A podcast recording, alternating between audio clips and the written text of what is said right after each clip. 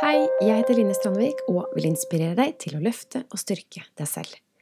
Hvis du har fulgt meg en stund, så vet du at jeg hjelper folk til å få en lykkelig skilsmisse. Det var det første firmaet mitt het. Det het Lykkelig skilt.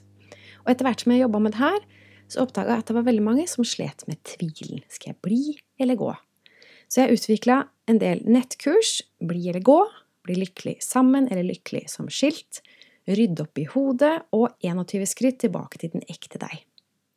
Det å gå gjennom en skilsmisse det kan være en stor fysisk og psykisk belastning. Det kan være veldig stressende. Så når vi i tillegg har mann eller kone og barn og jobber og kanskje de ekstra fem kiloene vi aldri blir kvitt, så er det ikke noe rart at vi utsetter problemet. Men det blir jo ikke noe bedre av det. Problemet forsvinner ikke av seg selv. Det blir der, og så spiser det seg inn i andre områder i livet. Det er stressende å gå rundt med flyttetanker hele tiden. Men hvis vi tenker matematisk på det, så er det fullstendig bortkasta energi. For enten så er vi i det rette forholdet og jobber målretta for å få det til å funke. Eller så er vi i feil forhold, og da bør vi jobbe målretta med å flytte fra hverandre. Ja, det er en stor sak å flytte, men det er egentlig ikke så vanskelig. Det som blir vanskelig, er at det er så mye som surrer oppi hodet. Når vi skal skille oss, eller tror vi skal skille oss, så klabber det seg til, eller det kan fort gjøre det. For noen så klabber det seg så mye at de bruker flere tiår på å komme seg etter en vond skilsmisse. De burde selvfølgelig snakke med meg for lenge siden, for det er helt bortkasta. Men sånn er jo vi mennesker. Vi venter lengst mulig med å søke hjelp. Og det har jeg gjort sjøl. Jeg var i en jobb jeg ikke trivdes med, og det gikk vel omtrent 20 år før jeg fikk hjelp til det og gjort noe med det. Så jeg kjenner meg igjen, jeg vet hvordan det var. Og det er jo disse vonde skilsmissehistoriene som gjør at noen bruker altfor lang tid på å skille seg eller kanskje de aldri gjør det, og angrer siden. Det er mange av kundene mine som sier at de er så redde for å gjøre noe de vil angre på. Men jeg sier til dem, hva om du blir og angrer på det? Å ikke velge, det er også et valg.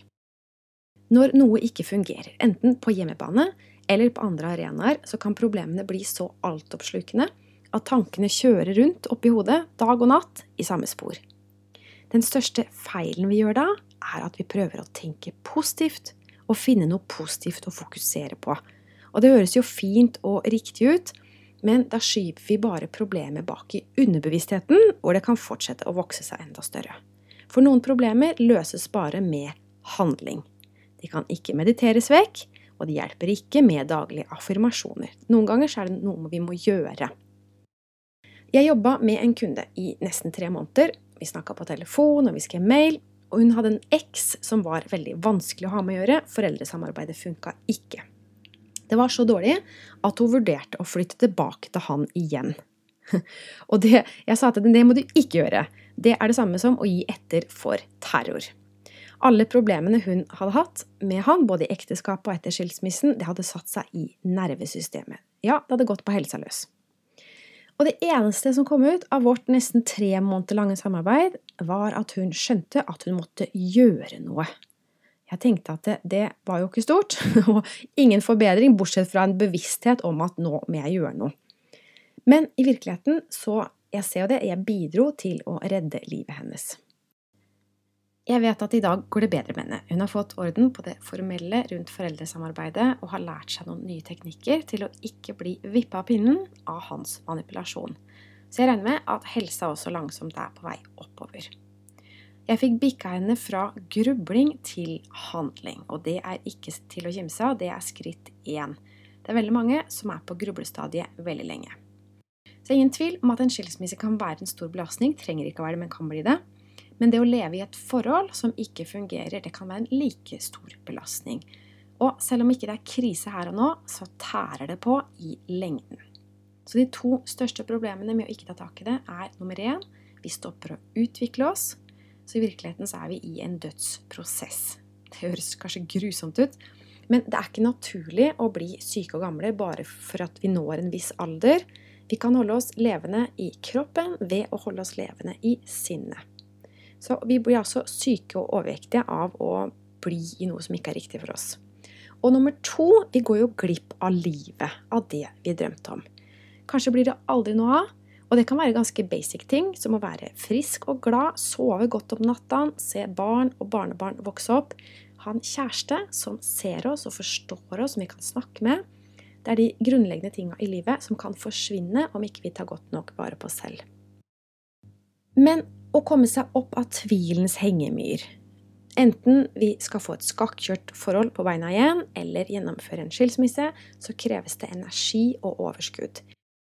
Hvordan kan vi hente energi og overskudd når vi er slitne i forveien? Det fins hjelp å få, jeg kan hjelpe deg, det er mange andre som kan hjelpe deg, så det er det å tørre å strekke ut en hånd når vi ikke får det til selv. Jeg har lenge holdt meg på hjemmebane og coacha folk på hjemmebane, altså i privatlivet. Men nå beveger jeg meg mer og mer over på jobbrelatert stress. Skilsmisse er en stressende situasjon. Å være i et dårlig forhold er en stressende situasjon. Men i arbeidslivet er det selvfølgelig også mange ting som kan stresse oss, eller som oppleves som stressende og vanskelige. Og her har jeg mye erfaring og mye å bidra med. Jeg har masse erfaring fra mitt eget arbeidsliv. Jeg har bred erfaring fra ulike firmaer. Jeg har sett mye bra og mye dårlig. Kanskje har du fått med deg at jeg er utdanna sivilingeniør. Jeg har jobba med HMS, med HR, med kvalitetsstyring. Jeg jobba som ledelseskonsulent. Og jeg har hatt småjobber. Jeg har vært sekretær, jeg har vært resepsjonist, jeg har vært butikkansatt, vært vaskehjelp, assistent på barneskolen. Jeg har rett og slett vært et skikkelig surrehode jobbmessig.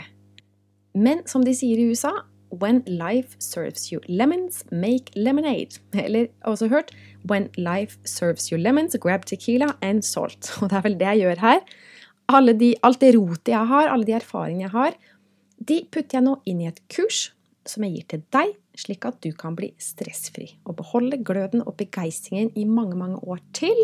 Og jeg får da en jobb som jeg for en gangs skyld elsker. Det er en god deal, ikke sant? Så jeg putter alle mine dårlige erfaringer inn i noe som du kan ha nytte av. Så jeg har altså laga, eller jeg er på gang til å lage, et helt nytt kurs som heter Rydd vekk stress. Det inneholder seks moduler, og kun én av dem handler om privatlivet. Og det her er et sånt kurs som du kan få arbeidsgiveren din til å betale for deg.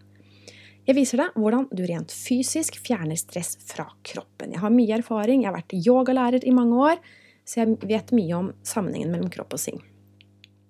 Og jeg snakker om hvordan du kan forhindre dette stresset i å komme inn i kroppen i første omgang, Viktigheten av å ha den rette jobben for deg. For at vi passer ikke til alt.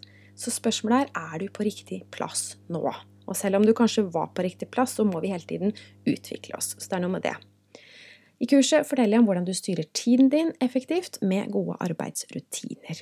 Og så kommer det en stor bit om hvordan du håndterer vanskelige kollegaer, sjefer og andre vanskelige mennesker du møter i jobbsammenheng. For det er virkelig en stor kilde til stress. Og til slutt hvordan du holder hodet over vannet, eh, orden i hodet, setter bekymringen inn i en handlingsplan.